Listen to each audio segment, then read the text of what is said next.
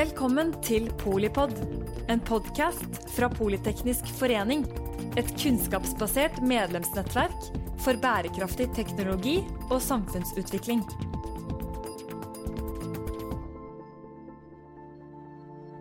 Velkommen til uh, Polipod fra Arendalsuka. Vi kaller det Polipolitikk. Vi bringer innsikt og inspirasjon til uh, politikkutforming. I dag så har vi med oss uh, to damer som kan mye om det som alle snakker om, nemlig nei, unnskyld, det grønne skiftet. Og i det så ligger det en sterk komponent av ammoniakk og også hydrogen. Teknologier for det. Da har vi med oss Sille Grotheim fra DNV. Du er landansvarlig for sertifisering av fornybar energi. Mm -hmm. Og vi har Silje Nei, unnskyld. Lise. Det er baklengs, vet du. Silje og Lise. Winther fra Yara Clean Ammonia. Du har ansvar for produksjon, eller prosjekt og teknologiutvikling der. Mm. Eh, to eh, interessante temaer, men eh, litt sånn hva har det med politikk å gjøre? Og hva tenker du, Lise, er det viktigste for eh, å snakke om når vi snakker om eh, politikk her i Arendal? Jeg tenker Fra, fra vår side så tenker jeg at og når vi snakker om politikk, så kommer jeg fra næringslivet. Så da ville jeg jo ha sagt næringspolitikk. det tror jeg er viktig. Og hvis vi skal få til det grønne skiftet, så da liksom se på politikken i forhold til å kunne få til et grønt skifte. Og da kommer man jo fort inn på rammebetingelser, eh, regelverk. Eh, men, men, jeg tenker Så det er liksom én del eh, av, av politikken. Jeg tenker man i Norge rent sånn politisk også burde se på hvilke, hvilke eh, fordeler vi har i Norge. Eh, fornybar kraft. Hvilke muligheter det kan gi oss. Og liksom se, på, se på det, og, og, hvordan vi skal utvikle Fastlands-Norge og industrien i Fastlands-Norge. Og eh, Yara er jo en bedrift med, som har globalt eh, perspektiv. Og jeg tenker det er, det er liksom viktig fremover for AS Norge å se på også liksom hvordan man kan utvikle eh, næringslivet globalt. Altså vi, vi, selger eh, varer i 160 land og er til stede i 60 land eh, verden over. DNV også er jo veldig globale selskaper. Og liksom se på, på den delen av det, for det tror jeg er veldig viktig fremover. Og, og da, da, kombinert med hvordan vi kan bruke våre fortrinn. Eh, men liksom, når vi ser på det grønne skiftet, så er det et, et, annet tema som jeg også er litt opptatt av. Eh, jeg er jo teknokrat eh, av bakgrunn. Og jeg leste jo liksom nå nylig at eh, det er færre som eh, søker seg til eh, teknologiske studier.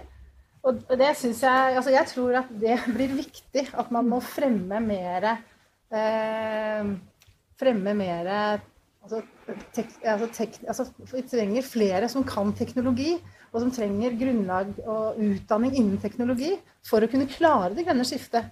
Man ser at, at, man, eh, at bedrifter vil, vil, vil, slite med å kunne klare å få til, få til, endring, fordi at man har ikke nok teknologer og, og ingeniører. Og, og da, da, da, tenker jeg det er, det er et arbeid som man må begynne med tidlig i skolen. Altså Matte trenger ikke å være vanskelig. Vi har kanskje en holdning i Norge på at eh, matte er så vanskelig. Men det trenger ikke å være det. Jeg ble kalt uh, mattemette i min tid, så det Sånn er det. ja, du er også fra en uh, Du kommer litt fra samme bakgrunn? Ja, jeg er teknolog, jeg òg. Mm -hmm. og jobber i DNV, og der er vi jo nesten bare teknologer. Mm -hmm. Men hvis du spør meg om hva vi skal snakke om med politikk, da, så fra DNV er jo vi en uavhengig organisasjon, så vi skal ikke snakke om politikk. Men uh, jeg tenker litt tilbake til det hydrogen og ammoniakk. Hydrogen og ammoniakk er jo Hvorfor skal vi ha hydrogen og ammoniakk? blir på en måte en diskusjon som man også må løse mm. og ta. Uh, for det er jo uh, dyrt å produsere, og det er skummelt. Med eksplosjonsfarer og med, med giftig ammoniakk og korrosiv ammoniakk. Men så, så, hvorfor skal vi bry oss om hydrogen og ammoniakk, tenker jeg er viktig at man også putter på bordet. Og da er jo på en måte driveren bak det. fordi eh, vi skal jo over i null klimautslipp. Eh, og for å få det til, så får vi ikke bare brukt vann, sol, vann vind og sol. Vi må også bruke hydrogen fordi, og ammoniakk fordi at eh, du kan ikke lagre vind og sol på samme måte som du kan lagre hydrogen og ammoniakk. Så det kan være batterier. Og for langtransport innen shipping og flyindustrien så kan du heller ikke elektrifisere den på samme måten som du kan på korte ferjedestinasjoner og andre, altså biler og lignende. Så du trenger hydrogen og ammoniakk til de tingene. Og det å få det opp på agendaen, at dette er et viktig viktig bidrag. Og da vil jeg si hvorfor det er så viktig også. fordi hvis vi fortsetter den utviklinga vi holder på med i dag, da kommer vi til å ha eh, hydrogen, og, eh, hydrogen som 5% i 2050 som en del av energibærer. Det holder ikke i det hele tatt for å nå klimamålene våre. Mm. Så hvis vi fortsetter sånn som vi gjør i dag, så når vi ikke klimamålene. For det er vi i vår, våre kollegaer i, i DNV som har laget denne eh, Energy Transition Outlook. Der estimerer vi at for at vi skal nå målene, så må vi ha 15% Så vi er altså vi har, Hvis vi fortsetter utviklingen som i dag, så er vi på 5% i 2050. Men hydrogen må ta en større del av den store bildet for å lykkes. Og da tilbake til hvor du må bruke det, og hvor ikke annen ren kraft kan erstatte disse to. Iallfall ikke sånn som vi ser det i dag, med den teknologien vi har i dag. Så da tilbake, for å lykkes, så fra politisk side så vet jeg at en av de store akilleshælene i dag, det er å få på plass et forutsigbart rammeverk og regelverk, både kommersielt og teknisk. Og da teknisk er jo min side. Men da, da, tenker jeg litt sånn, Bare for å spille litt på den, så, ja. så, tenker jeg da det som også må være viktig hvis vi skal snakke om rammeverk, det er jo at det må bli dyrere å eh, bruke, altså velge fossilt med CO2-utslipp med, med medfølgende CO2-utslipp. Altså det må, rammeverket må gjøre slik at, det, at valget blir enkelt. Mm. Det, for, at det må være dyrere å velge fossilt kontra det grønne alternativet. Mm. Og rammeverket bør, bør, ha det i, i, bildet når man liksom utformer et rammeverk. Så tror jeg det, det, Sånn at det gjør valget enklere for, mm. Eh, for, for, på en måte de forskjellige deler av verdikjeden man er. Mm. I dag så Skipsfarten i dag, ja, det er billigere å velge fossilt. Ja, men Nå er vi heldige med skipsfarten, for der har du IMO, den ja. Eh, overordna FN-organet som styrer regelverk. Og det har vi ikke helt på samme måten innen fornybar industri for øvrig. For der finnes det ikke helt den samme ensbetydende globale regelverkmodellen. Og takket være IMO så blir på en måte industrien pusha, om ikke annet så fort som man skulle ønske seg. Så blir den iallfall pusha mye mer enn det man kanskje ser i fornybarindustrien for øvrig. Mm. Men, men hvorfor, hvorfor, skal man bruke ammoniakk isteden? Liksom, hvis du har skip som skal gå over lange avstander, så eh, er det jo da liksom hvor stort volum skal du ha av eh, det du skal frakte liksom Skipet ditt, da, hvor stort volum av det skal være, skal være eh, drivstoffet ditt. Mm. Og, og, nå er det sånn at liksom, ammoniakk har 50 eh, Hvis du tar en bøtte med ammoniakk, så inneholder den faktisk 50% mer energi enn en bøtte med hydrogen. Og hvis, for de som er veldig tekniske, da, så er det faktisk mer hydrogen i den bøtten med ammoniakk enn det er i en bøtte med hydrogen. Men det er, det er litt mer vanskelig forklaring. Men, men, eh, men, men eh, så, så, derfor vil det være mer lønnsomt å, å ha ammoniakk på tanken enn det det vil være å ha hydrogen på tanken. Mm. Mm. Men så kommer det jo opp til dette med, med eh, si, giftighet kontra hydrogen, som er eksplosjonsfarlig. Og, men da kan jeg si det at, eh, at eh, altså, Ammoniakk har vært laget i mange, mange år. Vi har jo håndtert På Herøya tror jeg vi har i hvert fall i 50 år produsert ammoniakk. Mm.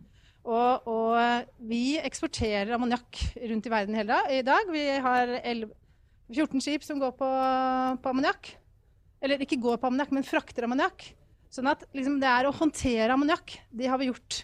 Hundrevis av år. Ja, eller ikke hundrevis av år, men veldig veldig lenge. Men det, å, men det å frakte hydrogen og det å håndtere hydrogen er ikke gjort så mye. Og der trenger man en mye større si, teknologiutvikling for å håndtere det også. For å håndtere flytende nitrogen på minus 253 grader. Det er ganske stor forskjell i forhold til ammoniakk, som man kan håndtere på, min, på minus 33 grader.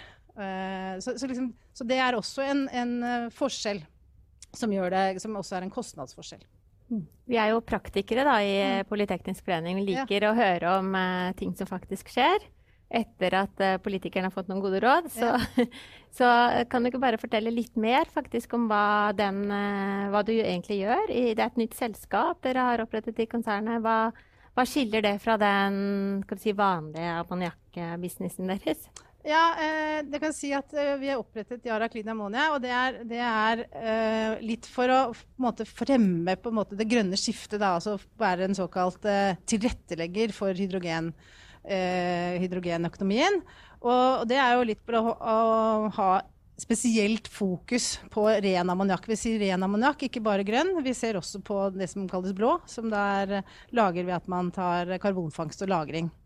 Og, og det eh, Altså Yara trader ammoniakk i dag, så det Yara Clean Ammonia det er en del av Yara Clean Ammonia. Vi, vi er den største traderen. Vi trader 25% av verdensmarkedet. Riktignok er ikke verdensmarkedet som Mesteparten av ammoniakken som lages, går direkte til gjødsel eller til uh, AdBlue, som kanskje noen uh, kjenner. Uh, Hva er det? AdBlue det er, det er faktisk det samme som Uh, altså det er også urea, som også brukes som gjødsel. Men uh, hvis du har diesel på tanken din, så, du ofte, så får du NOx-utslipp. Men så, så, da må du ha en katalysator, og den er AdBlue. Den, eh, så lastebiler i dag de får ikke kjøre uten at de har AdBlue. Så, så, liksom, så den mesteparten av ammoniakken som produseres, går direkte videre inn i, inn i produksjon av enten ja, gjødsel eller andre industriprodukter. Da, eller sprengstoff. Og mens eh, Yara Clean Ammonia vi, vi eh, trader all ammoniakken, og også da jobber med prosjekter for å eh, lage grønn ammoniakk eller blå ammoniakk. Og, og, ehm, så, og, så, har vi på en måte en internavtale mellom eh, selskapene. hvordan vi, Hvem av selskapene som vil være produsenten, og, mm. og eh, hvem som vil være off-takeren av mm. selve ammoniakken. Så vi ser også på da, å utvikle denne ammoniakken videre til andre verdikjeder, sånn som da uh, ammoniakk som fuel for shipping, men også ammoniakk. Vi ser det er også behov for ammoniakk i, i, uh, altså i, områder hvor de ikke har så lett tilgang på fornybar energi, sånn som f.eks. Japan, så er de interessert i å kunne bruke ammoniakk og blende det inn i f.eks. kullkraftverk, og dermed redusere sine CO2-utslipp. Mm. Du, stikkordet 'ingen lastebiler kjører uten', det, det, Jeg har jo jobbet i Verita selv, det må jo sies. DNV. Så jeg er jo uh, tilhenger av standardisering, selvfølgelig. Det, det, er viktig for teknologiutvikling og, og kostnadsfall. Um, hva skjer egentlig hva, akkurat nå, og, og, litt fram i tid, på rammeverket da, for uh, utrulling av kanskje både hydrogen og ammoniakk? Ja, altså hvis du tenker eh, Hydrogen har jo, som du nevner, og ammoniakk har blitt brukt i mye um, som ikke er energibærende tidligere. Uh, men uh, for den energibærende delen så er det å finne ut av hvordan du kan gjøre det trygt og sikkert. Mm. Og da er jo Du har jo store organisasjoner, International Energy Agency og andre som jobber med litt globalt regelverk, men ellers er det veldig, som jeg nevnte, nasjonalbasert og regionalt basert. Eh, så den store jokeren er jo å få noe som gjør at du, altså at du kan standardisere, helst globalt, sånn at det ikke blir skreddersydd overalt, og med den risikoen det medfører at du ikke får tilfredsstilt behovene. Så hvis du jeg kan kanskje lettere, altså Jeg kommer jo fra fornybar sertifisering, og det høres ut som vi sertifiserer alt. Men det gjør vi ikke ennå, for vi sertifiserer primært havvind. Havvind har vært i bransjen eller i markedet i rundt 30 år, og vi ble dratt inn i havvindkarusellen da bl.a. Danmark begynte å bygge turbiner som skulle stå og gå. Og så gikk det jo gærent, og det kosta veldig mye, og det ble dyrt for uh, produsentene. Og dermed så dro de inn en tredjepart som kunne hjelpe de å se på om hva skal til for at dette er sikkert og trygt, og få ned risikoene. Og dermed så kom det som vi kaller typesertifisering på plass. Som seinere utvida seg til prosjektsertifisering hele vindparken. Poenget jeg vil dra fram, er at dette er en av de få tingene som til tross for at det ikke fins globalt krevd, så er det dette som har blitt global standard for offshore- eller havvindsparker.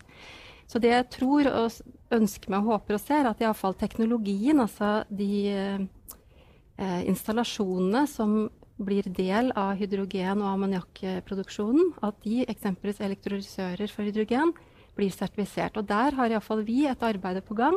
Vi sparka av gårde et samarbeidsprosjekt med industrien nå i, var det i februar, tro. Hvor vi hadde tenkt at vi kanskje fikk med oss 15 aktører. Det er 30 aktører med. Dere er ikke med, dessverre.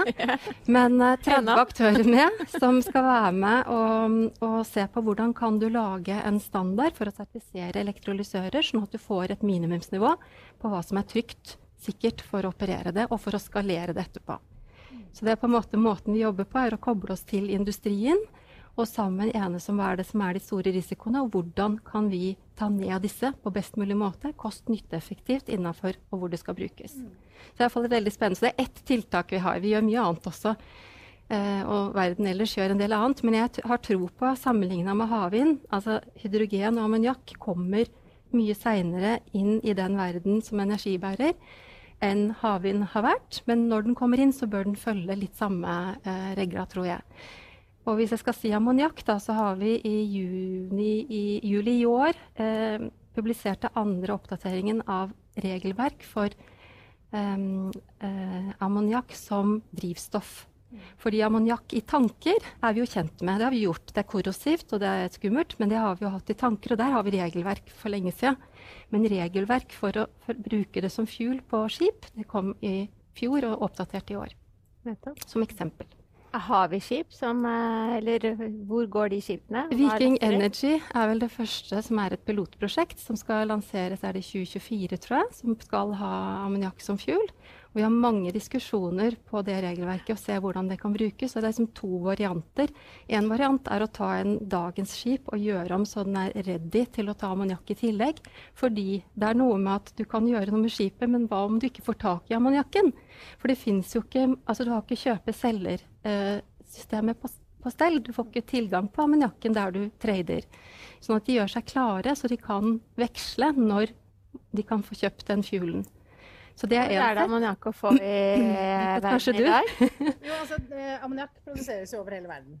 Uh, uh, men uh, vi jobber med Hvis du skal bruke det som fuel, så Én ting er å ha på en måte sertifisering av skipene og skipsmotorene, men du må jo også tenke på hvordan skal, få, hvordan skal de bunkre dette, mm. denne ammoniakken. Så der eh, har jo vi også samarbeid med også en norsk, eh, norsk eh, industribedrift på, på, å utvikle fuel-løsninger. Og det må jo også da mm. sertifiseres, eh, selvfølgelig. Men, men, det må jo også utvikles. For at du må jo da, hvordan skal skipet komme til eh, å mm. kunne å kunne få tanket. Hvordan skal du få, skal du få, få ammoniakk på tanken din? Og, eh, og, da ser vi på flere løsninger. Både eh, altså løsninger på lekter. Og det er jo tenkt, ikke sant? For at hvis man kommer til til eh, havner, så er det en del havner i dag eh, som kanskje ikke vil ha ammoniakk langt inn mot der hvor det bor, bor, mennesker. Og da kan type lekterløsninger være en ganske mm. god løsning. Og så er det andre steder hvor man kan ha ammoniakk på land. Sånn at der, der, eh, der og det, det, som er fint med den løsningen som vi utvikler, er at den er fleksibel. Og den kan også ta imot lastebiler. Sånn at du kan også få ta fraktet ammoniakk på, på, lastebiler. Og, og, ehm, og, den utviklingen den, eh, Vi har jo da sagt at vi skal kjøpe de første 15 eh, versjonene av dette, og, og utvikle dette i, i, Norge, sånn at vi kan ha ha fuel-løsninger for hele norske, og ser også da mulighet for å kunne eksportere denne løsningen ut. Men bare for å liksom tenke litt på dette med sertifisering, for det er jo dette er jo også sånn, Hvis du har en, eh, et skip, så må det jo inn til havn. Og havnene har jo sine reguleringer mm. igjen.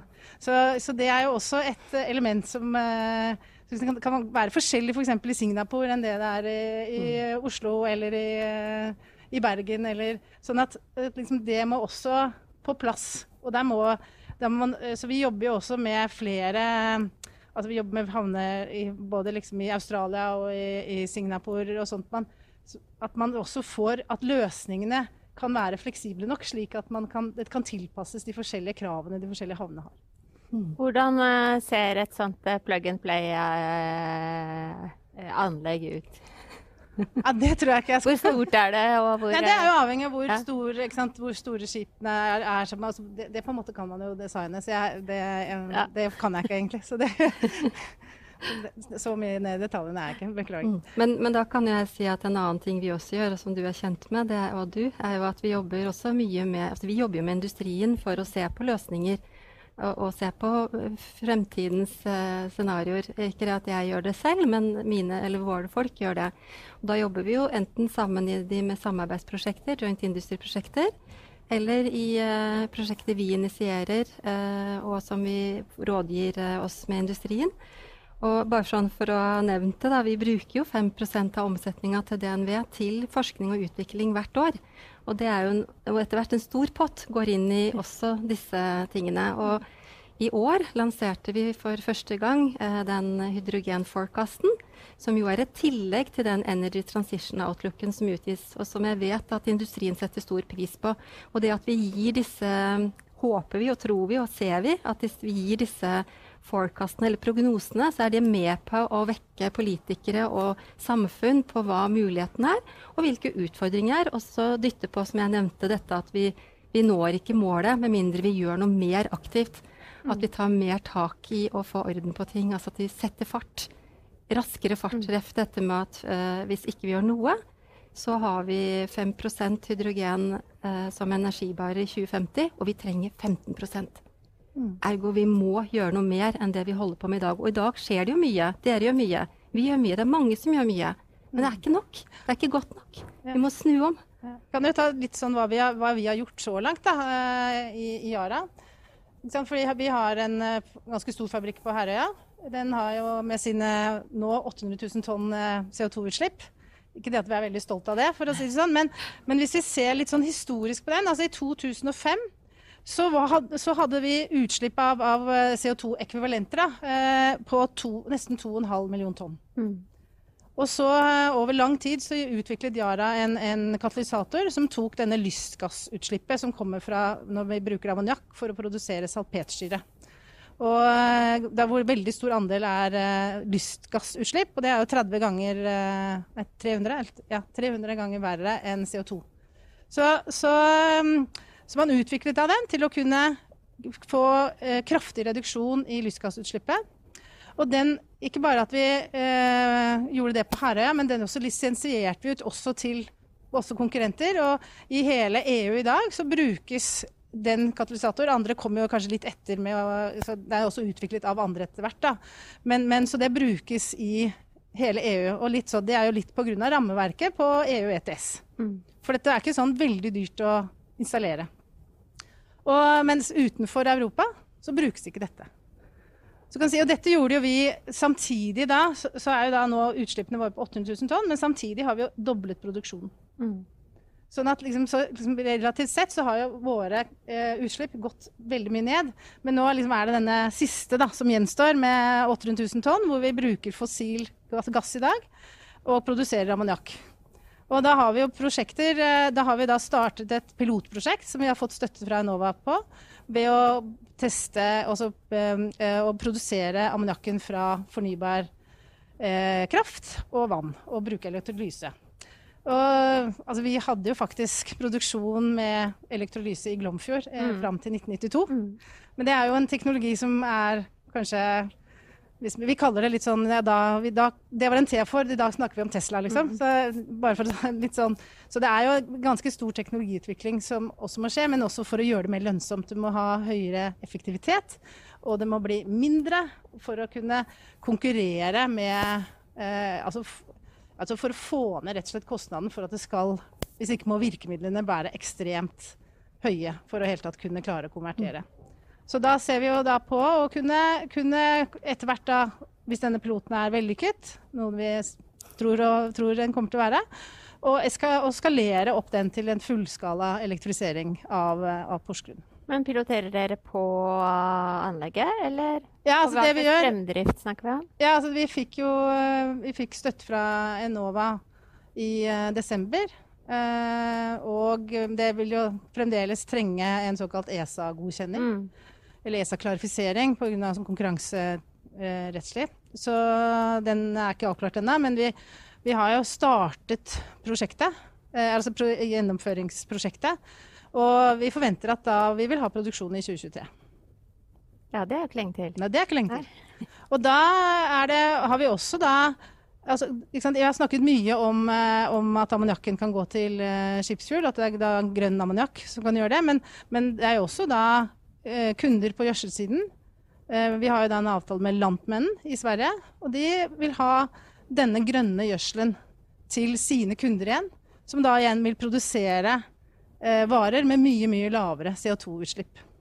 Hva er splitten mellom si, energi og mat? Eh, eller eh, jordbruksmarkedet? Hva tenker du Av det dere ser for dere av marked? Ja, ja, nei, det Altså, jeg tror energimarkedet hvis, hvis måte, det, det, er jo prognoser som sier at, uh, at en, uh, innen 2050 så vil du ha en dobling av ammoniakkproduksjonen til skipsfart. Eller altså, dagens produksjon av ammoniakk er 200, 200 millioner tonn i året. Og eh, da vil det være nye 200 millioner tonn, og det vil bare gå til, til eh, skipsfart. Mm. Innen 2050. Så det er jo en dobling av verdensproduksjonen i dag. Det er ganske enormt. Mm. Men det er klart at du må jo se det i sammenheng med, skips, med, med energiindustrien altså olje- og gassindustrien. ikke sant? Da, så, så, i den sammenhengen er det kanskje ikke så voldsomt. Men uh, for, ja, for, for ammoniakk For å nå de 15 uh, prosentene. Ja. Ja. Jeg mener jeg har sett tall på 42 eller noe vil shipping bruke. altså Da vil de bruke type hydrogen-ammoniakk i 2050. Det henger jo godt sammen med det du sier også. Mm. Mm. Er det noen akilleshæl her, eller er det Å oh, ja, det er mange. Er, ja, ikke sant? Ja, du kan si, eh, og Det å bruke grønn eller, eller eh, blå ammoniakk direkte inn i gjødselproduksjon er enkelt, fordi at eh, det er en eksisterende prosess. Du trenger ikke å gjøre noe. Er, da kan du si Teknisk sett så er det enkelt hvis du bare får til å produsere den grønne ammoniakken. Eh, markedsmessig så er det jo dyrere.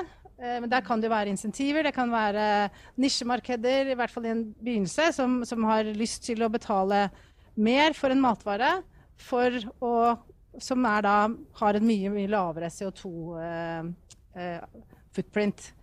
Eh, eh, når det gjelder skipsindustrien, så må det jo utvikles noe mer på veien. Altså, vi kan jo starte med, starte med skipene. Skipsmotorer eh, er under utvikling. De vel, skal vel piloteres til neste år, tror jeg. Eller 2023-2024. Ja. Og der du ser det både på brenningsmotorer og, og, og brenselceller. Sånn som Eidesvik-skipet er jo brenselcelleteknologi. Mm. Mm. Eh, det må utvikles. Og så er det, det er motoren. Men så må du ha systemet rundt, sånn at det er sikkert. At ikke det lekker ammoniakk eh, ut. Da, men det utvikles også. Eh, det er sensorer og det er Sensorer og rør i rør og venting ut. Altså, liksom, da bruker man jo også mye av Sånn som jeg har forstått det, bruker veldig mye av teknologien og kunnskapen man har fra LNG. Mm. mm. Så da må det utvikles. Men så er det, som vi også snakket om, så må det jo de kunne bunkre noen steder. Og da må du ha bunkringsløsninger. Og så, eh, og så har vi at produksjonen Og det er den tekniske biten av det. Men så har du markedet også, da. Det må jo også utvikles. Mm. No, altså, eh, de som frakter eh, gods på skip, må ha lyst til å betale for at det skipet skal eh, frakte uten CO2-utslipp. Og det ser vi også en økt interesse for. men altså, Interesse er én ting, men liksom når det kommer til uh, rene kontrakter osv., så, mm. så er jo det et, et uh, tyngre lerret å bleke. Men, men, men, det er på en måte det, det er det som må utvikles på, på skipssiden. LNG-markedet kom jo uh, opp og frem ganske raskt. Kanskje mye verre regelverk og Altså kombinasjonen marked og myndigheter, da. Altså, i, i, uh, du sier at det, at det, kan ta tid. Men uh, det har jo vært gjort før på andre teknologier. Ja, jeg, sa vel egentlig ikke at det kommer til å ta tid. jeg bare sa at det var vanskelig. så, og det, vi ser veldig stor interesse for det. Så, så jeg tror jo mer at um, det, det, er jo sånn, det er jo litt sånn høna og egget. ikke sant? Hvis du skal bygge et skip i dag, så, så hvilken teknologi satser du på? Hvilken motor skal jeg ha? For det, det skipet skal jo da være ferdig om tre år. Fire år. Eh, jeg, så, så, til å begynne med vil det typisk være det du nevnte, dual fuel-motorer. Eh, mm. eh, dual fuel-løsninger, sånn at du kan eh, velge litt. grann. Mm. Og så blir det jo da eh, Parallelt med det så må det utvikles infrastruktur. Mm. For du, du, du, satser ikke på et fuel som du kanskje ikke får eh, fylt når du frakter varer fra Asia til USA, f.eks. Mm.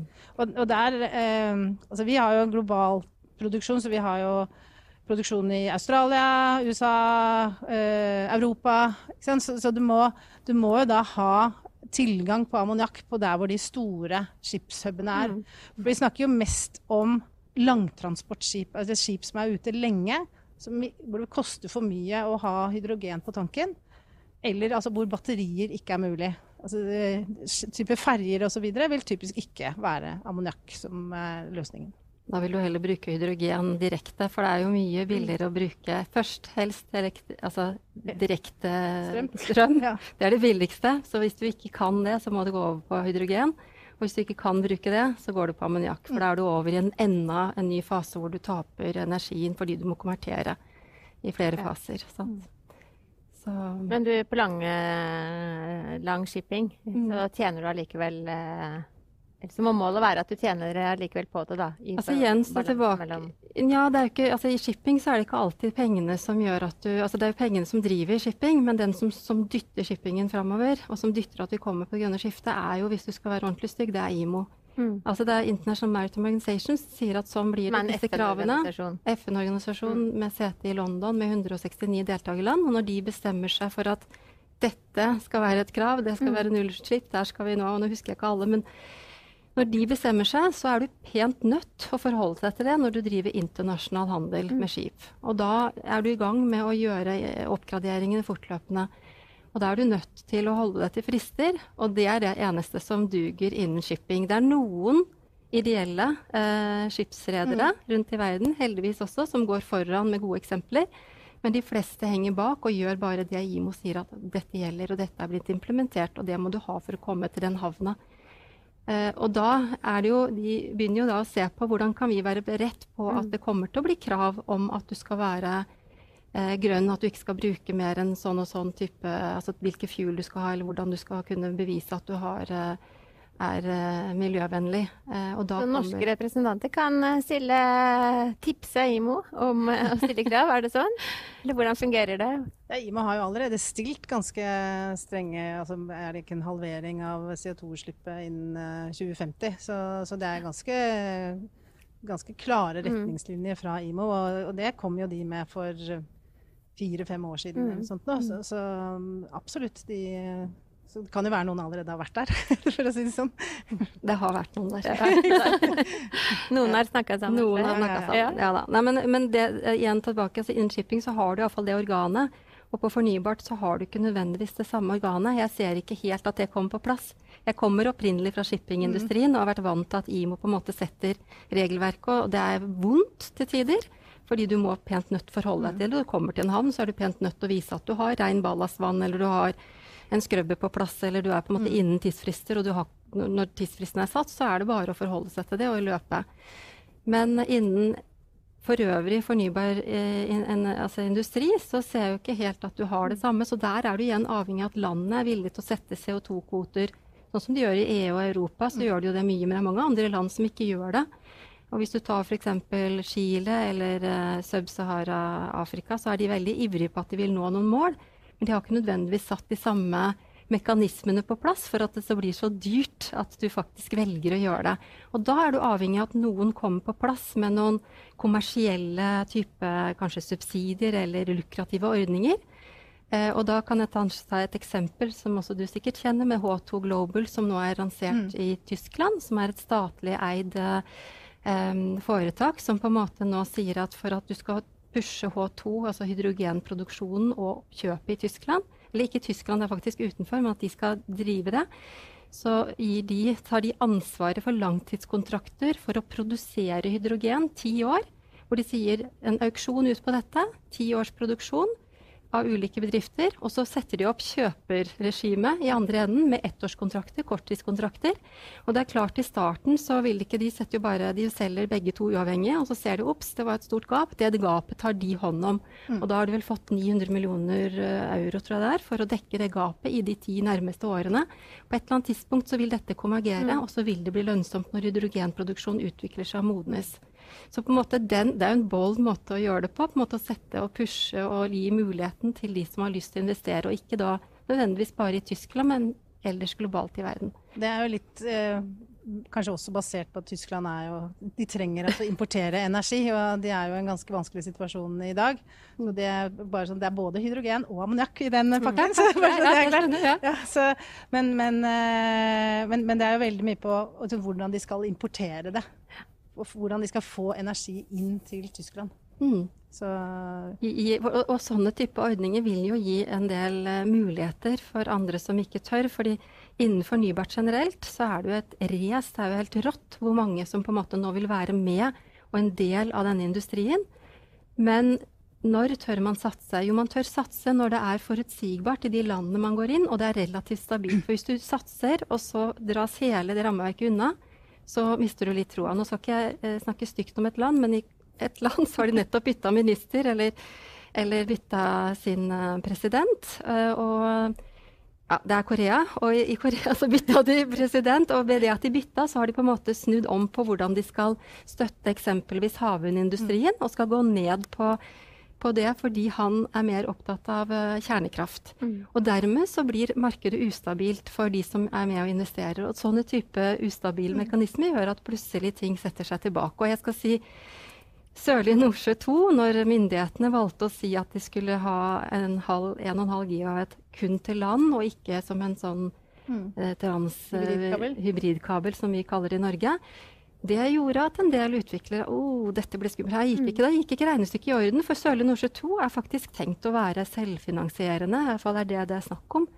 Og da på en måte mister du litt troa, og da er det så stor etterspørsel etter å få hjelp. Nå Australia tar av, Polen tar av, UK, Skottland, alle tar av. Og da på en måte Du må klare betingelser, klare ambisjoner og tydelige retningslinjer på hva som gjelder. Det var jo egentlig en veldig bra avslutning. Veldig klar beskjed, tenker jeg. Jo, det skal vel ikke så Vil du legge til noe, Lise? Nei, jeg tror det var en fin mm. avslutning. ikke sant? Ja.